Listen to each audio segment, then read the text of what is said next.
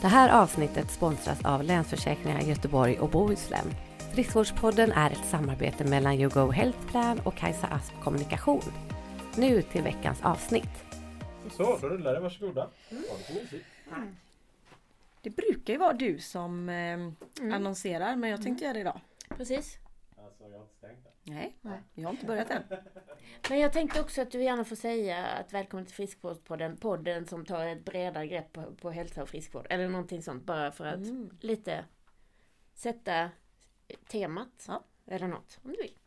Eh, välkomna till Friskvårdspodden. Vi tar ett bredare grepp över hälsa. Lät ju väldigt naturligt. Idag har vi i alla fall en rolig gäst här.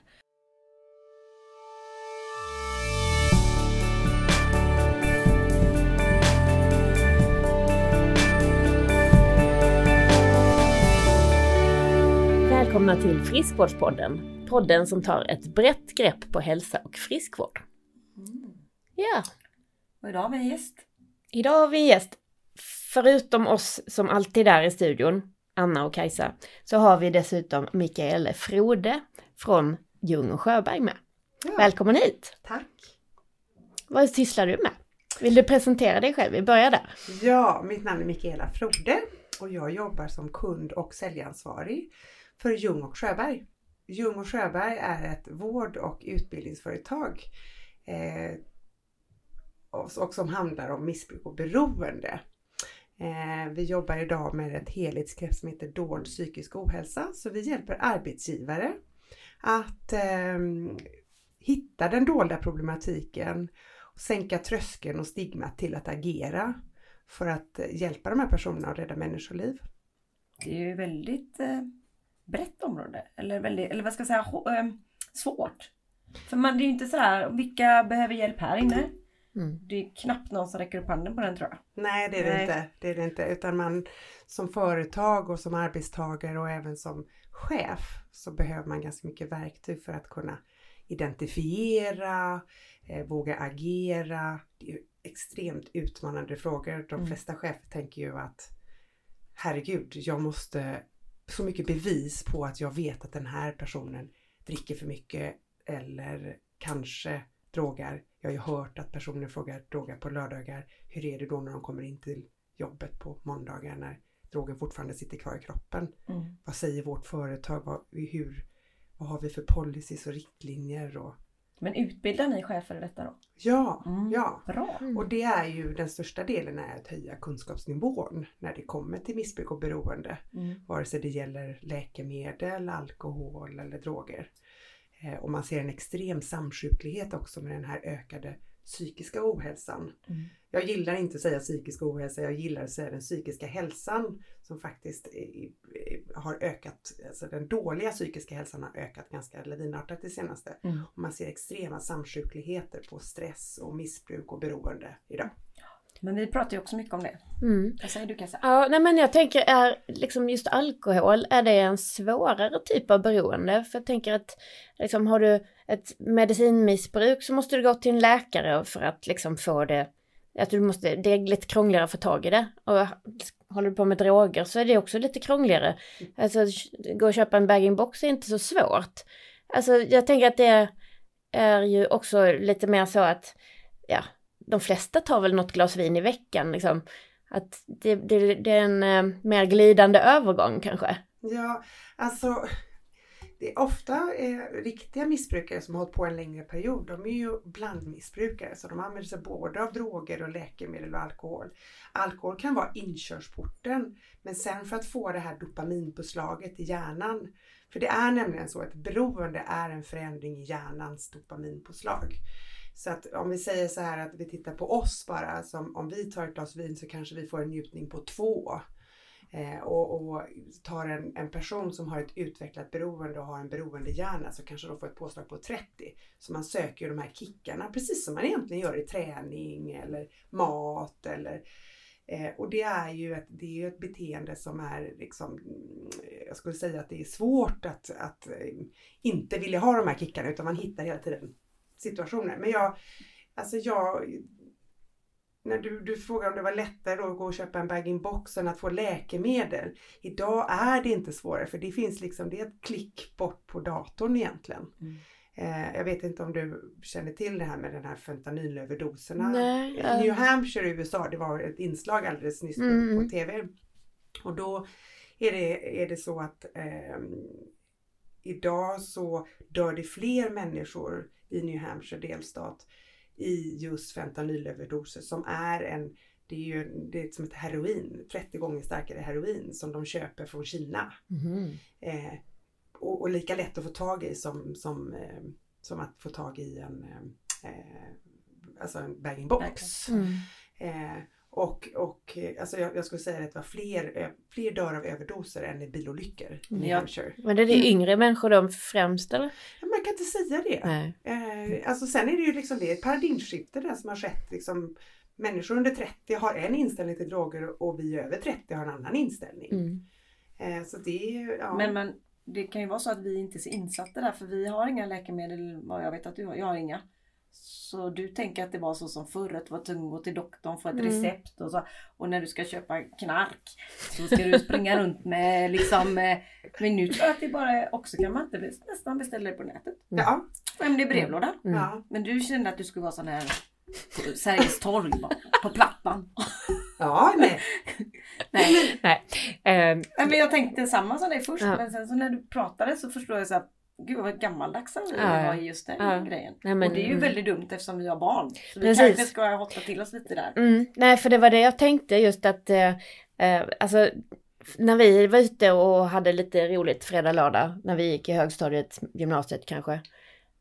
Ja, det Jag ska säga mina barn att jag var minst 18. Eh, nej, i alla fall. När, när, när vi var i den åldern så var det ju liksom alkohol och den är ju ganska självreglerande för antingen somnar du eller så spyr du liksom. Mm. Men de här starkare sakerna, där kan du faktiskt dö första gången du testar det. Mm. Det där tycker jag är så läskigt. Och alkohol är en sedativ drog. Alltså Mm. du, du blir trött av den. Mm, Medan många droger är ju uppåtcheck. mm, Faktiskt. Och, och det här som du säger att man kan dö första gången. Alltså om man tänker på hur man gör spice. Alltså, och spice har ju en ingrediens och de byter ut en ingrediens så fort de försöker lag, alltså olag, olagisera det eller vad man säger. Eh, spice görs ju egentligen på stora sådana här eh, det är eh, stora eh, pressändningar som man lägger ut och sen så lägger man de här löven eller bladen och så tar man den här eh, vätskan som man lägger i dunkar så slänger man ut det så här på den här pressändningen. Så det är klart att vissa blad blir mer indränkta än andra. Mm. Och har du oturen att få de bladen som är mest indränkta, det är då man hade det här med spice, att folk dog av spice. Den, den drogen har li- lite försvunnit från marknaden för att även de som säljer har blivit rädda för att de faktiskt dödar människor. För det är ju inte det, de vill ju inte döda människorna med sina droger. Nej, de vill väl att de köper mer. Yes, Mm. Mm. så att de kan tjäna pengar. Ja. Så de vill ju inte döda någon. Men nu går jag in på en annan grej som jag har tänkt på. Det är man hör så här när eh, barnen har varit på, eh, i Alperna nu. Så det är många som har blivit drogade på Mm. ställen. Mm. Och då har vi diskuterat det hemma med Olle också. Och vi, för jag och Victor får inte ihop det här varför man drogar. För då vill man ju inte dricka. Alltså, vad, händer- då får man en drog. Man dricker upp den och sen är man liksom gone. Nej, men det var ju precis det jag sa. Alltså, det kan vara en drog som är uppåt pigg, uppiggande. Ja, men jag hörde att de liksom fick hjärtklappning och gick hem och la sig. Eller? Ja, ja nej men det är, jag är lite dålig på det ska jag ja. säga men, men jag kan ju tänka mig så här att eh, när man slänger en drog i någons drink på en bar så är det kanske att man tycker att "Ah, den här tjejen hon är läcker, henne vill jag ta hem och sätta på. Ja, men men det- förlåt, helt öppet. Ja här. men det förstod jag. Men Men- när man gör det på killar förstod jag inte. Nej men det- nej. Nej. Men det är bara, jag tror bara det är sån här, det är en sport liksom. Ja, ja, Mm. det är bara Alltså jag tror att precis på samma sätt logik. som vi gav kompisar shots förr i tiden Mm. så, ger, så tycker de att det är Ja. Alltså jag kan säga så här, när jag var tonåring, det är precis som du sa, det var ju alkohol. Mm. Och där var det ju också lite kanske, eh, våran föräldrageneration var lite liberala med det. Mm. Ehm, för att de tänkte att det är ju inte så farligt eh, egentligen. Men, men jag har bara vid ett tillfälle faktiskt varit med på en fest när man var när det var några som åkte ner bakom Storan här i Göteborg och skulle köpa hasch. Och det roligaste av allting var ju att de fick en barkbit. Betalt Ah. 500 spänn och det var ju mycket på den tiden och så fick de en barkbit eller någon, någon liten sån här grej. Men jag skulle ju aldrig pröva det då. Eh, men, men grejen är så här om man tittar på legaliseringen av cannabis. Där har det också blivit en katastrof i Kanada som gjorde det. Mm. För där har de helt plötsligt fått en helt annan marknad idag. Eh, som har verkligen inte alls blivit den positiva effekten skulle bli. Så de ångrar ju sig att de sa ja till den. Ja. Men där är det ju så att våra ungdomar, när de går in och söker på cannabis så finns det ju väldigt mycket positiva Mm. artiklar om cannabis och då, det är väl de första hundra träffarna på Google. Så det är ju i form av liksom lite så här PR Mm. kupp att okej, eh, liksom, om vi ska få legalisering av cannabis i Sverige så måste det vara positiva erfarenheter som delas med Mm. och det medicinska och sådär. Och det är det våra ungdomar läser och det är det våra ungdomar hör. Jag Eh, tänker mm. också att det, att det har blivit så enkelt att få tag i grejer. För om man går tillbaka i tiden då när man började bli intresserad. Då var det ju att man hade ju en, nästan en vecka där hur man funderade på hur man skulle få tag i någonting. Eller sno lite hemma av eh, i olika flaskor så man fick en sån här god häxblandning var ju Mm. också en grej. Men eh, alltså det, det var ju liksom någonting man diskuterade. Men nu är det ju mer ett telefon eller ett sms och så kommer det en bil till skolan och så tjoff. Mm. Så då kanske det också blir att man hela tiden vill ha mer och mer och liksom Men vi, vi, vi stannar ju liksom där för vi var ju grymt nöjda om vi fick tag i något och väldigt missnöjda om vi misslyckades med Mm, mm, Eller jag, bara tänker att det blir för enkelt. mm. Mm. Eller? Själva kicken av att eh, Få liksom... tag i det. Jakten. Ja, är jakten ja. Den är ju borta. Den är borta. Ja, det är ju bara ett knapptryck bort. Ja. Ja. Nej, ja, jag tänker... Hemskt. Mm. Men man är ju oro... Man har ingen koll på droger så man är ju så här... Alkohol vet man att om man skulle få hem en för berusad tonåring så kan man lägga honom i sängen och badda hans panna och vänta till han kräks. Lite som du sa. Mm. Men om de är drogpåverkade har man ju ingen aning. Nej. Och signalerna där, det handlar ju eh, mycket om liksom, vilka signaler, vad ska jag leta efter som förälder? Och då var jag på ett sånt föredrag i den kommunen där jag bor och då pratade de väldigt mycket om liksom, hur de ser ut. Eh, och när polisen liksom gör razzior så kan de ju då, då ställer de ju upp alla ungdomar bredvid varandra typ och de som ser mest bleka ut, de, de tar vi liksom. Med, eller så kan det vara att man hittar du vet, tändare, man hittar såna här rissapapper. Men du vet, det här går ju ut som, det här, den, de här tipsen finns ju överallt. De läser ju ungdomarna också så de är ju smartare nog att inte ha det. Mm. Eller du vet man drar av någon kant på ett sån här cigarettpaket för det behöver man för att kunna ja, Mm. göra någonting. Mm. Och, och i och med att det står överallt och att alla föräldrar vet det och har sagt det till sina barn så, så förhoppningsvis så blir barnen lite smartare så att de, de, det är jättesvårt att, att uppmärksamma faktiskt. Mm. Men de gör razzior ofta eh, och jag kan säga att de här stickorna du kan köpa online, liksom drogstickor som du kan ha hemma, de är inte accurate, helt accurate. Så det bästa är om man har en magkänsla på att det händer, då åk till Maria Ungdom eller till någon mottagning som kan ta det. Och precis på samma sätt som vi gör övervakade urinprov på Ljung och Sjöberg så övervakar eh, barnet från det att du misstänker barnet får, de har hittat knep där det inte, så att, så att det inte syns på testen att, det, att man har tagit droger, till exempel att man dricker jättemycket vatten eller något liknande. Mm. Se då till att ha full koll att barnet är i det stadiet som du såg in i bilen och så till ett sånt här testställe för att verkligen få svart på vitt. Mm. Och sen handlar det väldigt mycket om när det väl, om, om man skulle hitta det i sitt barn, att man har ordentliga konsekvenser. För att annars får de inget konsekvenstänk. Nej. Och det är ju jätteviktigt och jag kan säga i den här curlande världen vi lever idag så är det ju väldigt dåligt med konsekvenser. Mm. Och det har att göra med, tror jag, hela det här stressade samhället och man ska, de har mycket jobb och ja. Mm. Men när du ändå var inne på jobb så nu hamnar vi på barn och det är ju Mm. förfärligt. Precis. Men tänk också att eh, hur mycket dolt det är på arbetsplatsen bland oss vuxna. mhm. Som eh, kör på rätt hårt. Och då Mm. var det också det när vi hade en nu när vi hade en föreläsning. Det handlar ju absolut inte om att man har ett sämre, bättre jobb, mindre, mer, alltså kanske till och med om man har ett högre presterande jobb så kanske man behöver en något lugnande eller uppåt tjack eller jag hörde någon att man tar det både uppåt sen tar man något som är neråt och så hamnar man väl på någon normal Nivå, ja. ja, Nivå. ja. Mm. Nej men det är ju helt galet. Eller tar man, tar man uppåt och sen så bara oj jag tog lite för mycket, nu måste jag ta en tablett som är neråt. Och, och jag känner själv att jag vill inte ens lära mig vad det är för någonting. Mm. Men så, så sjukt som det kan vara, vi säger att du, får en, du blir opererad för en axelskada till exempel. Och så får du morfin under en period och så Mm. vet inte du kanske att du har lite beroendegen eller ja, du känner att du mår väldigt bra av den.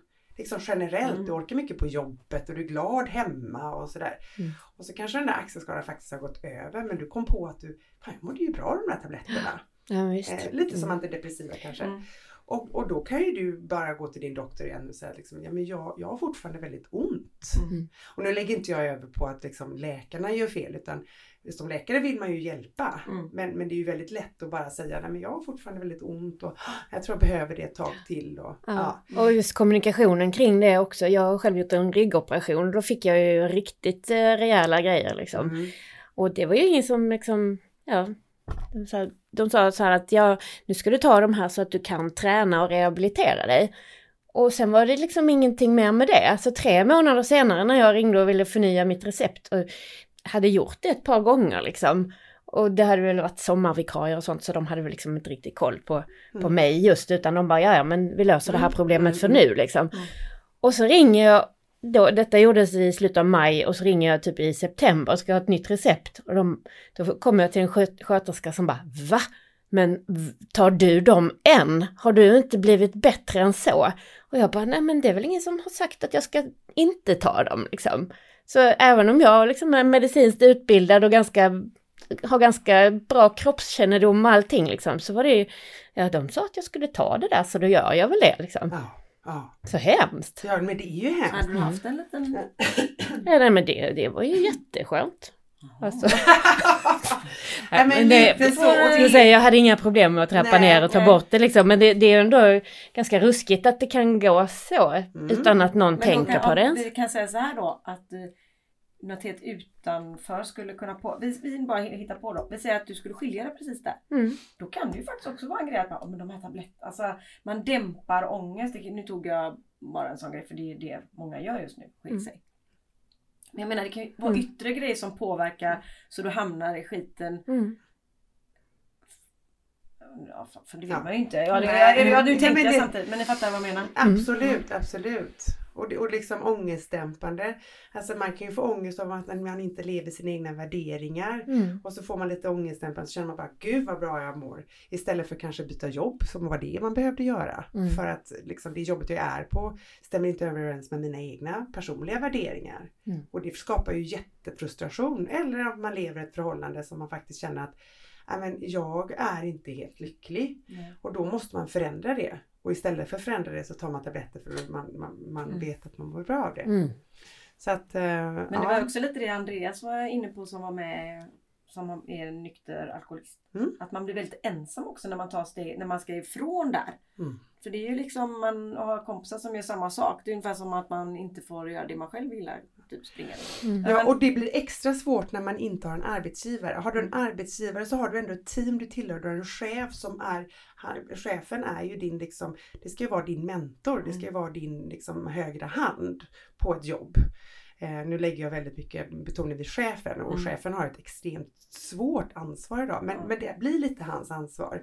Så du är ju i en kontext men har du inte det liksom jobbkontexten utan har du tagit det här på eget initiativ då kanske du har dina nära och kära eh, om du inte har supit bort dem. Mm. Eh, men det hjälper inte alltid så att jag förstår det eh, Mm. och därför är de här AA-communities väldigt, väldigt bra för att Ja. du, du, du, du befinner dig i ett sammanhang med personer som har känt precis samma känslor som du och som vill samma sak i livet. Sen är det ju så här på grund av att du inte har några krav när det kommer till AA så är det ju inte alla som kanske lyckas med sin, att behålla sin nykterhet utan det är många, man tar många återfall. Mm. Men att det finns ändå någonting där, de får ändå en god känsla av att medmänniskor och de har ju ett väldigt bra system där med sponsorer och man, Mm. att någon som han berättade där att han fick tillit till någon och Mm. en känsla av förtroende för någon. Det kanske personer i frågan aldrig har haft, inte ens för sina Nej. i tidigare, Nej. i tidigare liv. Eh, För du pratade ju lite om ärftlighet förut på föreläsningen. Mm. Jag kan väl känna att det liksom finns en viss ärftlighet, liksom det socialt också. Alltså inte bara i dina gener utan hur du växer upp och vad du får för förebilder och värderingar hemifrån. Absolut. Ja. Är det vanligt att det liksom går i arv på det sättet? Mm. Och där, där du, du går på en väldigt bra sak där, för jag känner ju många gånger att, att eh, det här, hur är vi som vuxna? Att vi, vi borde ta ett körkort för att kunna liksom guida våra barn genom livet. Men vi har ju, är uppvuxna på ett sätt som kanske, vi vet ju inte om vi, jag var uppvuxen i en jättedysfunktionell familj gifter mig med någon, får barn, då är ju det min, det är ju min ram liksom av hur jag ska göra i framtiden med mina barn. Mm. Men det kanske inte var, det kanske inte är det bästa för barnet. Så någonstans är det så här att eh, alla borde egentligen som får barn och med tanke på att det är lite komplext nu med hela det här det digitala sam samhället. Att alla borde få någon lite mer insikt i att hur är det att vara förälder? Hur behöver jag vara en förebild? Vilka värderingar mina värderingar kanske inte var samma som min mormors värderingar. Nej, Eh, antagligen inte. nej, Nej. Ja, men förstår ni vad jag menar? Men det är ju de jag är uppvuxna Ja. med och min mamma. Så jag kanske har andra värderingar och andra sätt att, att se på det. Mm. Eh, mm. Och du pratar ju mycket om medberoende också. Det, Mm. det tycker jag är ett intressant kapitel. Mm. Kan du berätta Utveckla lite? medberoende. Ja. jag är ju själv väldigt medberoende men jag är ju, jag är väldigt eh, eh, medveten om det och jag jobbar på det varje dag. Men, eh, och, och när man pratar medberoende just, vi, vi har ju på Ljung och Sjöberg använt medberoende som en term men vi har gått tillbaka till anhörig egentligen när det kommer till våra behandlingar och sånt där. Det är många som slänger sig med Oj. Eh, ordet medberoende. Men, och, och många faktiskt tror ju, som min underbara mormors syrra som eh, var 92 år, hon trodde ju det här medberoende, men jag är inte medberoende, jag sitter inte och dricker med. Nej, men, men faktiskt är det så att en medberoende det urlakar en, en människa så till den milda grad att man inte känner någonting själv, man bara känner vad alla andra vill och gör och känner. Man, man, man, man helt urhakas själv som människa, man vet inte vem man är till slut. Och jag har själv varit i den situationen. Jag försökte bara liksom komma upp på, på ytan liksom och försöka leva det som jag själv... Men så fort det kom i situationer så gick jag ju in då i att jag, jag gick inte mot mina, e-, med mina egna värderingar och mina egna känslor utan jag gick med alla andras. Mm. Och Men det- vad handlar det om att skydda eller vad, vad Eh, Jag skulle dem? säga att det handlar mer om att eh, både skydda men det handlar mer om att man eh, Ja, liksom skydda under, ordet. underlätta ett beteende liksom? Ja, lite grann. Man, man, man, man gör det möjligt. Mm. Och det kanske är mot ens vilja men man gör det utan att man tänker på det så att Mm. säga skulle jag säga. Och kanske lite rädd för personen Ja. och sådär också. Ja, absolut. Mm. absolut. Eh, och man, man blir någon som man kanske inte egentligen är. Mm. Och det är väldigt kopplat till liksom känslor och liksom det, det inre skulle jag säga. Mm. Och så tar man på sig, man är jättedålig på att säga nej och jättedålig för man tänker så här vill nog han eller hon ha det och så här tycker de nog att jag ska uppfostra mina barn. Man blir väldigt osäker på sig själv Mm. faktiskt. Mm. Ehm, skulle jag säga. Och, och som vi pratade där ute idag om det här en, en arbetsgrupp till exempel. Har vi en beroendesjuk i en arbetsgrupp på 6-8 personer så är det väldigt lätt att flera av dem runt omkring då blir medberoende till den personen. För man täcker upp, man gör personens eh, eh, jobb, man hela tiden tänker det kan inte vara så farligt, det kan inte vara... För att det handlar ju ingenting om att man har kul och en personlighetskemi men, men, men, men väldigt ofta så, och det är väldigt ofta de också som bränner ut sig. Mm. Det är fler som bränner ut sig som är anhöriga till någon missbrukare eller till någon som mår psykiskt dåligt än faktiskt de som faktiskt mår eller de som har sjukdomen. Mm. Men det, när man står så här så tänker man så här, det är ju, verkar ju helt eh, idiotiskt att nästan inte finns en lag att man som företag tar in eran hjälp eller alla sådana grejer vi är inne på överhuvudtaget. Att det kan finnas även ganska stora företag som ligger och sniker under ytan och man har inte någon eh, direkt HR utan man har lagt det lite på någon marknads... Eh, ja, ta, man kanske är chef för en grupp på 30 personer och inte har någon utbildning i någonting. Så, ja, men jag, jag tänker bara det kommer krascha.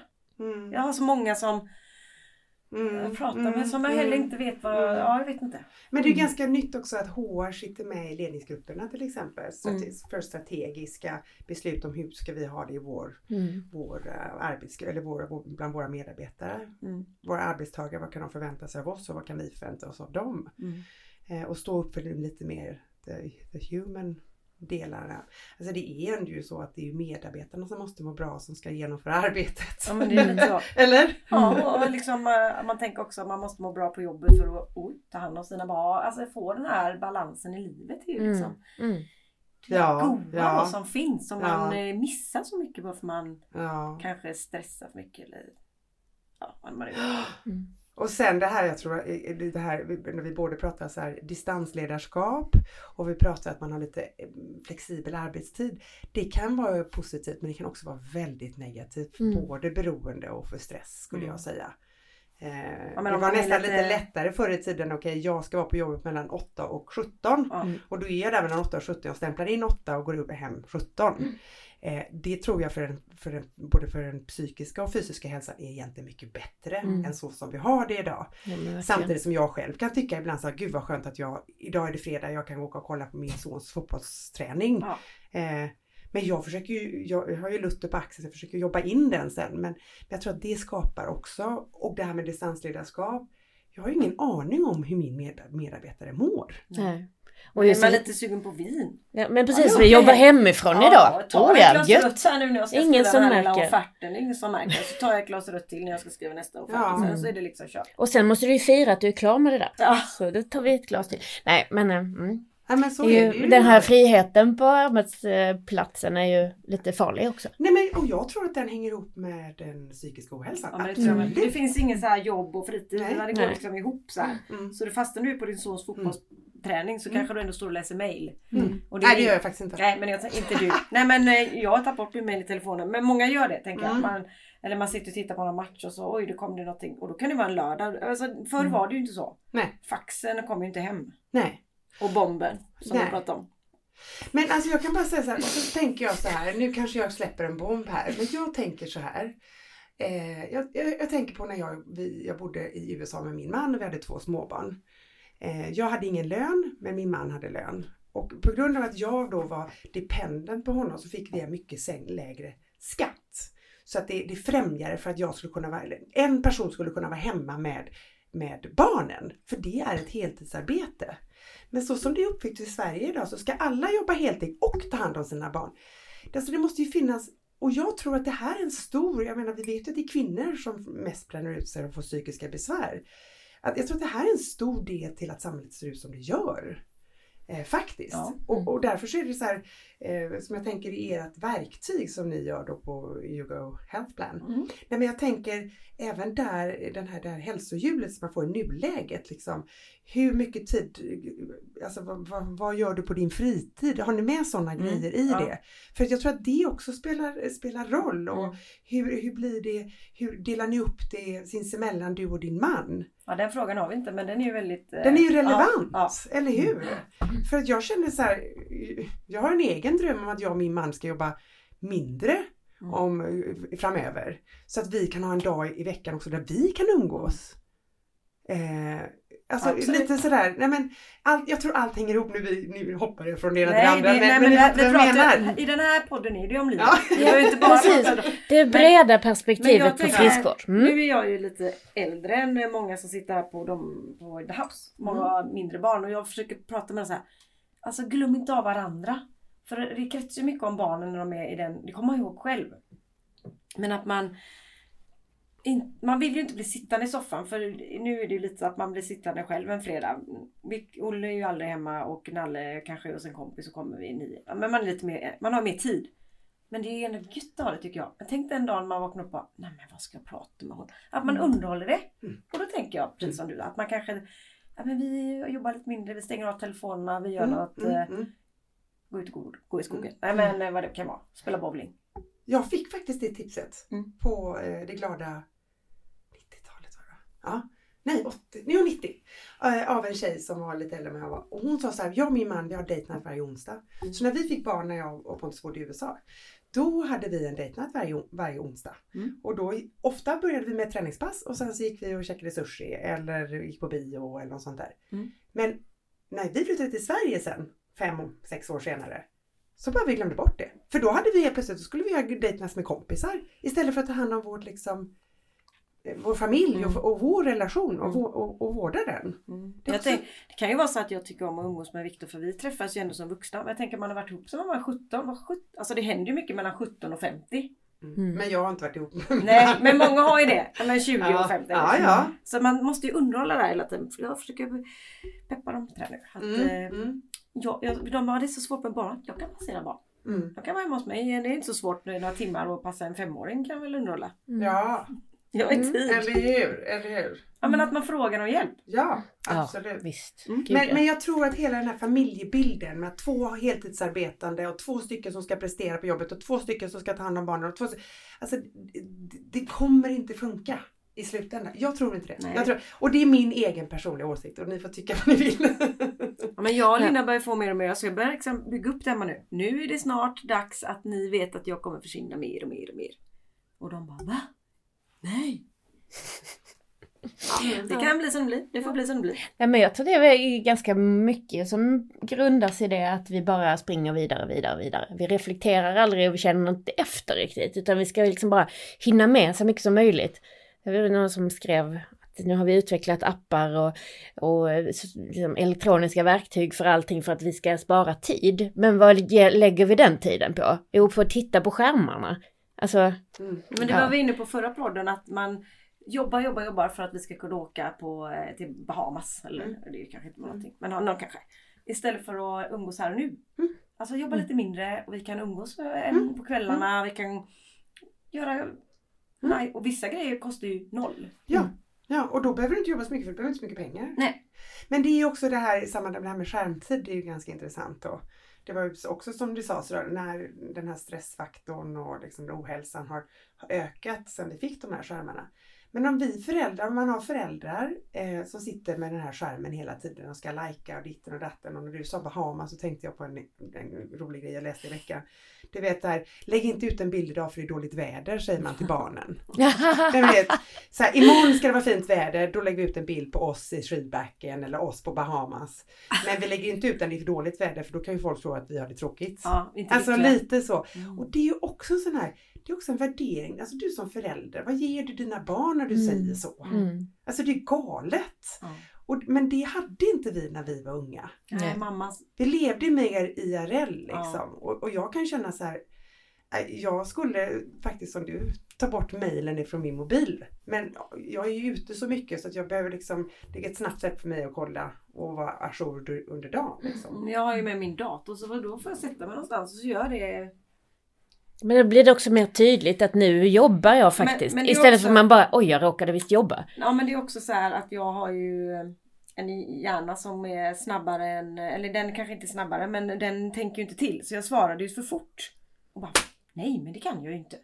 Men när jag fick sit, tänk, läsa ett mail, stänga locket, köra till nästa tänka så här, men nu vill hon det på tisdag, men då kanske ringa Linda och kolla vad... Det är därför jag gillar dig Anna, för jag är likadan. Så jag, jag menar jag dubbelbokar och bara jajamän jag är med på det bara. Oh shit, nu ska jag ta mig ur det här. Och nu gör jag någon ledsen och så fick jag för, Ibland har jag fått skicka Viktor på vissa grejer som jag har bokat. Jag bara, men nu vill inte jag gå på mer sådana här tapper. Nej jag bara skojar, inte tapper. Men, men, Nej, eh, för andra, nej, så därför blev det mer att jag eh, kunde tänka till. mm. Och svara bättre. Mm. Jajamän, jajamän, jajamän. Bara, nu är det så bara nej. Ja, men det, det tror jag kommer väl från din tidigare karriär. Ja, ja. Såklart. Liksom. Där var man ju på hela Ja, tiden. men det var inte så svåra grejer. Det var så här, har du bord för två? Jajamän.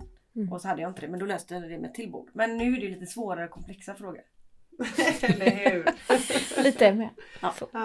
Ja, nej, men spännande. Jag hade ju lite saker från din föreläsning här. Mm. Du sa att var femte arbetsför person har, var det beroendeproblematik? Mm, Eller vad vad var det? Ja, Missbruk. Och det kommer från Statens missbruksutredning. ja, Och, och egentligen säger man missbruk av alkohol. ja okej. Eh, och då säger man att okej, det är 20% som missbrukar alkohol. Det är 10% som missbrukar droger och läkemedel.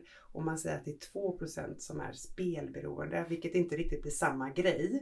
För spel kan vi lägga åt sidan. Men man, 20% som missbrukar eh, och, och eh, alkohol och 10% som missbrukar eh, ja, Mm. droger och läkemedel. Då. Är det att man inte klarar av jobbet eller att man gör det och man ändå klarar av det?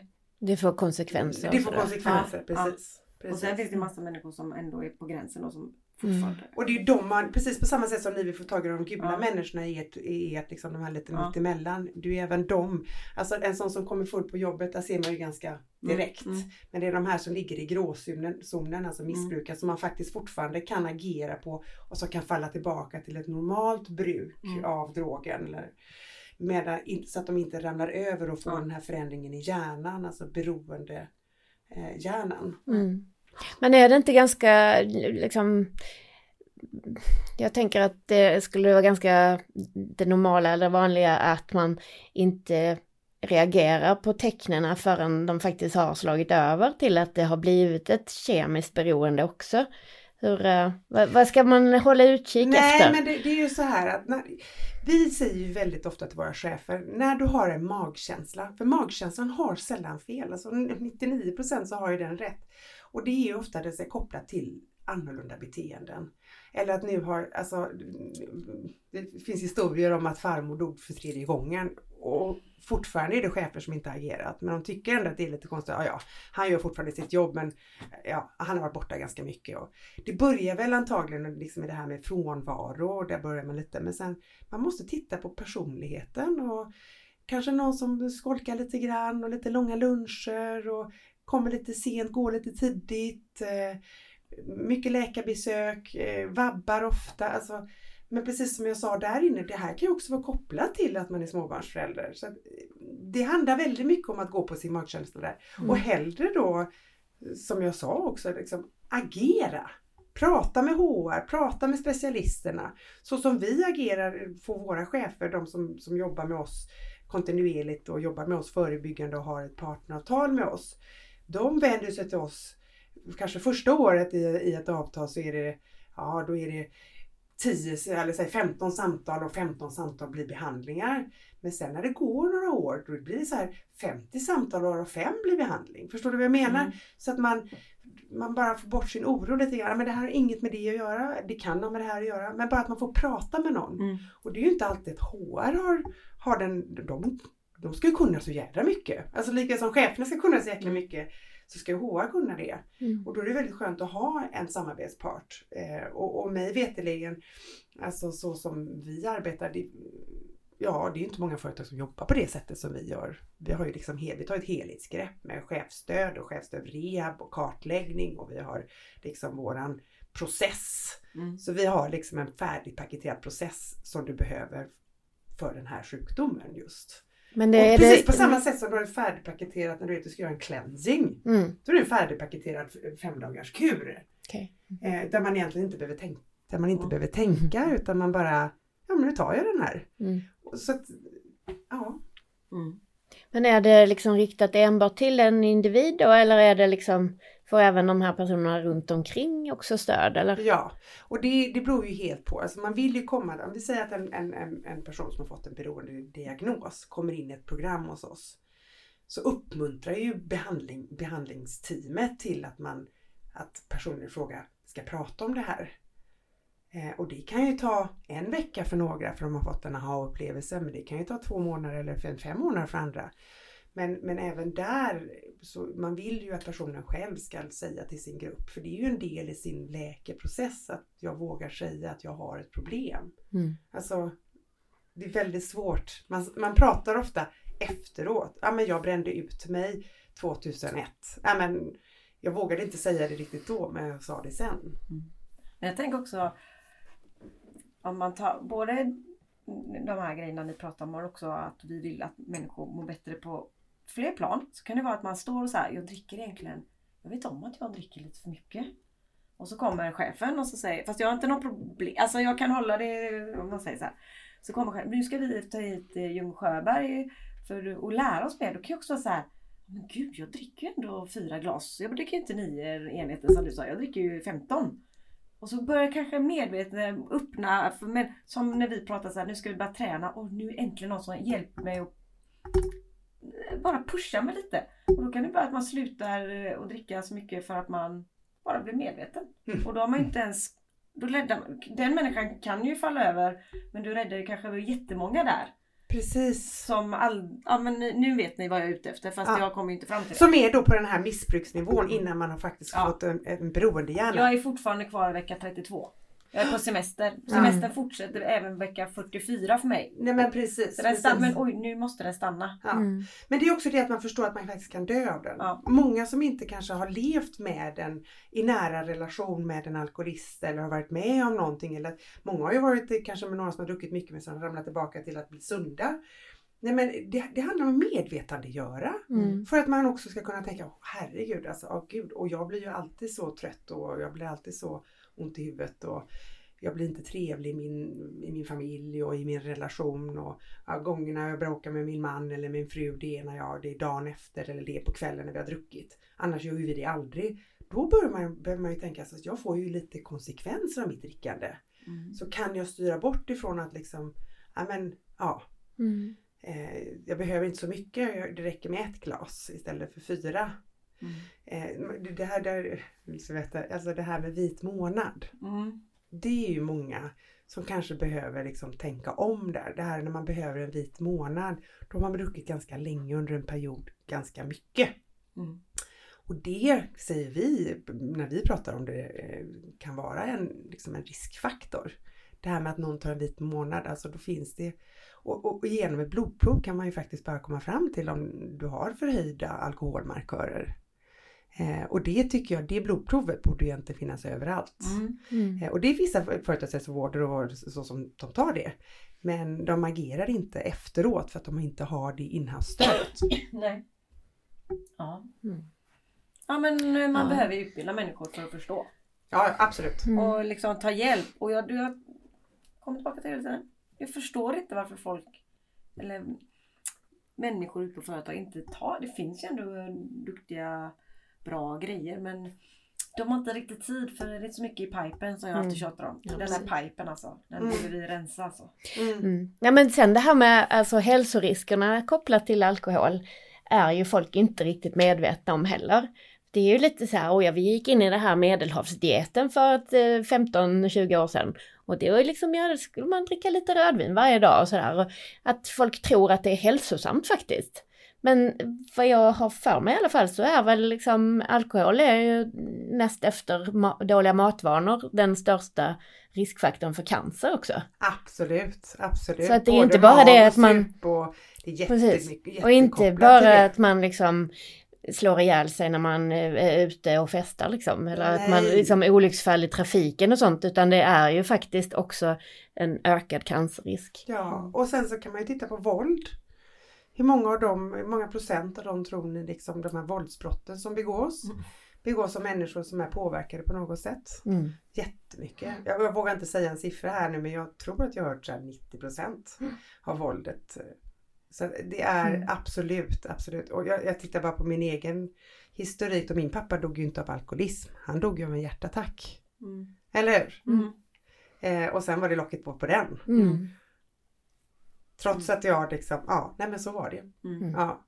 Så att jag sa ju aldrig till någon att min pappa var alkoholist. Men det är ju som, som eh, någon nämnde också det här med stigmat kring den här problematiken. Det är sån hög stigma och det finns så mycket skuld och skam i det här. För det är ju fortfarande, jag tror gemene man har en uppfattning om att lägg ner och dricka, du måste liksom du måste styra om ditt liv och de tror att det är självvalt men det är inte alltid självvalt och där behöver man en hjälp. Mm. Och rätt hjälp. Och det är också det, rätt hjälp snabbt, det är det man behöver och det är det vi levererar på Ljung och Sjöberg. Mm. Men är det, eh, alltså är det eh, oftast arbetsplatsen som tar tag i de här problemen? Eller kan man vända sig till er även om man är som privatperson och bara liksom vill att ha hjälp med någon i sin närhet? Mm, mm. Alltså det är ju så att vi får mer och mer. Vi, ligger ju, vi har ju inte jobbat så himla mycket med webben till det, men vi ligger ju också med när man söker på de här som en leverantör av de här tjänsterna. Så vi har en del privatsamtal faktiskt. Mm. Sen är det ju så här att det här, det här är svårt. Vi kontaktar ju företag eh, för att vi vill jobba med dem, jobba förebyggande och sådär. Och ofta kommer de in via att de har faktiskt ringt oss för de har ett case, de går, genomgår en rehabilitering, de förstår hela vårt helhetsgrepp och känner att det här är någonting som vi som företag vill satsa på. Det här tillhör mycket av vår vår ohälsa i vårt företag. Och vi vill också sätta liksom ett, en, en regel för hur ska vi jobba framöver. Jag menar för tio år sedan var det ju ingen som hade alkoholfritt alternativ. Nej, Bara precis. det. Och det här, det, här, det här kommer fortsätta länge. Mm. För att det är ändå, så fort, alltså hade alkoholen kommit till marknaden idag så hade den inte varit laglig. Mm. Men det är en laglig drog och vi har Mm. två stycken och det är alkohol och det är tobak. Mm. Eh, och, eh, men det här handlar om att hjälpa varandra och när det går snett att få rätt hjälp. Liksom. Sen är det ju så här självklart att alla gillar inte vår behandling. Även om vi har tänkt igenom exakt hur det ska vara och i och med att man, vi vänder oss mot arbetsgivare och arbetsgivaren har möjlighet att ställa krav på sin medarbetare. Det har ju inte en anhörig till exempel. Så det är väldigt positivt. Eh, men alla har ju inte lust att ta tag i de här. Man vill ju liksom tänka att nej, men det, det gäller inte oss. Gör det på sen. en, ja, Jag gör det sen. Ska bara göra färdigt den här marknadsplanen så tar vi det sen. Mm. Vad tror ni? Ja. Jag, Jag, hade... tycker det är jättejobbigt Mm. att sluta den här podden för vi har ju lovat att gå och bada. Mm. Inte alls sugen på det. Ja, men jag är ganska varm nu så att jag kan nog. Jag tror att jag kommer, jag, tror, Ja. jag kommer nog hitta på något. Men alltså jag hade ju en fråga till. Mm. Ja, ja, den föll, föll bort lite. Ehm, Fast man kan ju prata hur länge som helst om det här. mm. ja. Så eh, Och det kan man, och därför så säger jag så här, jag som ändå håller på med det här. Det, jag, eh, alla, man, man vill bara samla hela Sveriges befolkning och säga så här, okej, de här dör av det här, de här dör av det här. Det här är en stor, vet ni det? Mm. Vet ni att den här liksom, och det, det, det eh, ja det är ju hemskt att man inte kan det. Mm. Nu kommer jag faktiskt på Ja. vad det var. Jo, vi- pratade ju förut om det här med att liksom ett modernt företag med liksom bra ledarskap så har kanske inte så mycket alkohol i sin eh, kultur helt enkelt. Men alltså jag tycker jag stöter på det en hel del ändå. Att det, det är liksom högpresterande personer, advokatbyråer och sådär som, alltså man ska snacka lite efter jobbet så går man och tar ett par drinkar. Mm. På en tisdagkväll. Mm. Alltså jag tycker det känns så sunkigt. Mm. Men att det, det, det, jag har förstått att det, alltså jag tror att det är precis som med många andra hälsofrågor, att det går lite åt två håll liksom. Mm, mm. De som blir hälsosamma blir mer och mer hälsosamma och de som inte Mm. bryr sig så mycket, då, då är det rätt coolt att ta en gin och tonic en tisdag med chefen. Ja. Eller? Alltså Ja, det känns det också jättehemskt. Men där är det också så här, vem ska betala för det? Mm. Vem ska, alltså är det, det, är det den, är det den eh, klangen man vill ha på sitt företag? Att de Mm. två går ut och, klangen säger jag, Mm. men de två går ut och eh, tar en drink efter Då kan man ta det i ett jobbgrej, kan man ta det över en kaffe. Mm. Och visst, alla har ju inte problem så det är klart att de kan få ta en drink men det finns vissa, ja jag ska det är en demokratisk sjukdom och jag kan inte säga att det är överrepresenterat. Men det där är förlegat. Ett modernt hållbart företag, visst man har sina fester och kanske en AV någon gång per år. Eh, och de som vill då stanna kvar och klara det gör det. Sen ska jag säga att när det kommer till en, en som är beroendesjuk, de undviker ju ofta de där happenings ändå. Mm. Men man gör det ju de som kanske är på väg upp. mm. Mm. Eh, Och det faktiskt. blir ju också lite som att ja, nu ska vi liksom ha ett lite mer informellt samtal, kanske liksom tänka lite kreativt. Mm. Måste vi ha alkohol då? Det känns ju supersunkigt. Men du vet att vissa Det- byråer och vissa människor säger Mm. att vi har aldrig haft så kreativa, kreativa möten och kreativa idéer när vi, har- som när vi har varit fulla. Mm. Och då konstaterade de att de var tvungna att skriva ner dem för de kommer inte ihåg dem dagen. Men det var jävligt bra idéer. Och, Då att- eller? Ja. Då var Nej, men, Precis. nej, men det, det finns även i vår Ja. ålder personer som tycker Jo, jo. att vi behöver få till lite alkohol här för att verkligen spruta bra idéer. Mm. Och det är kanske vissa branscher som har det så fortfarande. Mm. Visst. Men, men om man tittar på ohälsotalen och man tittar på kostnaderna så bör man nog tänka efter. Men Ja, Jag och tänker sen, mer så mm. här säljare som är ute och så ska bo de på hotell, och vi går ner till bar eh, och käkar och så måste jag har faktiskt en kompis som bara hur gör jag för att inte ta glas vin? För att det är, om man är ny också det är svårt. Äh, det är bara att säga det, men jag känner inte Nej, för det. nej, nej men, Och det handlar om självkänsla. Mm. men jag tänker att eh, precis. Att våga sig säga nej.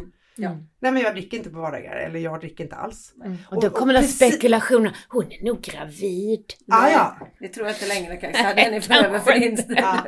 Men den också, ja men precis. Och det, men där är också ett stigma så där måste vi måste bara sätta, vi måste bara sätta nålen på Mm. ballongen liksom. Mm. Liksom, och jag faktiskt, det ska bli cool, det, det kommer vara coolt att vara nykter. Ja, ja, och det är det ju redan Jag bland de vet, yngre. jag Liksom. Så att det känns skönt. Ja. eh, att det inte är så mycket sånt längre. De sitter stilla istället. De stackars små Ja, liven. jag skulle säga så. Jag vet inte fasiken vad jag... Nu blev jag tyst. Jag tänkte... Jag, jag tycker absolut inte att de ska dricka alkohol. Men det, jag tänker att de gör någonting annat som... Mm, jag vet inte. Vad som är bäst. Mm. Men alla så här, vi är ju födda att, att, att eh, få kickar. Ja. Och man hittar sin grej som man får kick av. Eh, träning, eh, godis, gaming. gaming, popcorn, bio, kläder, shopping, eh, alkohol. Alltså man hittar, och det är ju liksom, det är ju naturen av människan. Eller är när man äter socker. Mm. Du vet man tar en liten kaka till kaffet. Alltså jag kan gå igång på det. Ja, smågodis är min last. ja. Mm. ja, det är slut, har jag slutat äta. Ja. Jag försöker med det. Men grejen är också, det kan man nästan säga är ett beroende. Mhm. Eller nu är det mycket, mycket bättre. Men, Men- du äter för lite av de bra kolhydraterna Ja, men jag ska bara säga ju- Ska att ju mer omvända jag henne. Säger, ja, men jag helt plötsligt sitter vid matbordet och säger så här. Idag har jag inte ätit nå- nu, nu, nu var det här ett Ja. Idag har jag inte ätit något godis alls. Då tittade tre personer på mig. Fram med påsen morsan. Nej, det betyder ju att jag hade ätit jättemycket. Då tänker jag det är ju precis ett alkoholistbeteende. Att jag bara, jag har inte ätit någonting. Och då bara, kolla, ja, vi kollar i väska och kollar handskfacket. Okej, okej. Så det, var, det är ju faktiskt samma sak. Fast det var socker då. Ja, och det kan du få diabe- diabetes av. Ja, men jag har blivit mycket bättre. Ja, Men jag, jag, men bara... lite av varje. Ja. Det är precis som ni säger, så man får lära sig lite olika grejer. Vad passar bra in i liksom, vad mår jag bra av?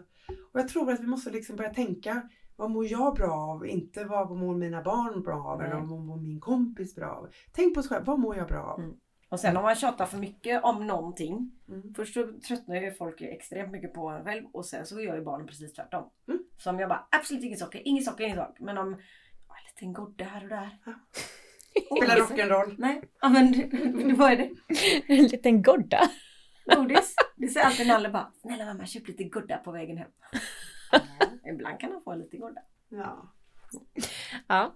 Ja men härligt. Ska Jag vi... tror det är ett eh, jätteintressant samtal. Vi har, jag tror vi Ja, fler. mm. Fler. Det måste ses mer. Ja. Mm. Ja men så himla eh, omtumlande att det är så hög siffra som var femte.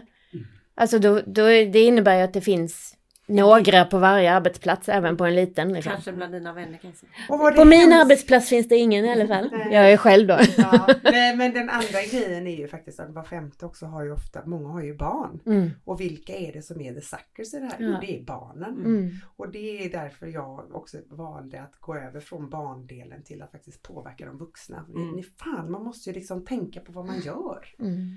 Och jag, jag, har inte, jag har inte Guds bästa barn, jag har inte varit det, absolut inte. Men jag har ju lärt mig nu att så där kan man inte göra. Nej.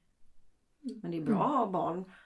För då kan man ju inte, om man ska köra till träningar hela tiden och fram och tillbaka och det vill man göra så då har man ju något att göra. Men en beroende Jo, jo, men jag- Mm. Nej, jag fattar det. De väl inte med eller så kör de med långtradare. Mm. Mm. Mm. Ja. Ska men vi gå och bada jag- nu då Anna? Nå, Jag tänker i alla fall att eh, utbildning är the shit. Ja. Ja. Att veta. Mm. Kunskap gör ju att man vågar agera och det är ju viktigt att kunskap vågar att man jobbar, jobbar med det man gör. Alltså man förhöj kunskapen. Mm. För att man bara ska kunna fråga de här småfrågorna också. Ja, Jag tänkte, hur är det med när jag gör så här? Men det är ju inte bra. Och så får man en förklaring att jag ska äta mer pasteller då. mm. Men Ja. eh, vad säger vi? Ja. Simma lugnt. Simma lugnt, absolut. Ja. Tack Tusen så mycket. tack för att du kom. Vad Ja, grymt. Hälsa mina släktingar i Stockholm. ja det ska jag göra. Ja. Hej.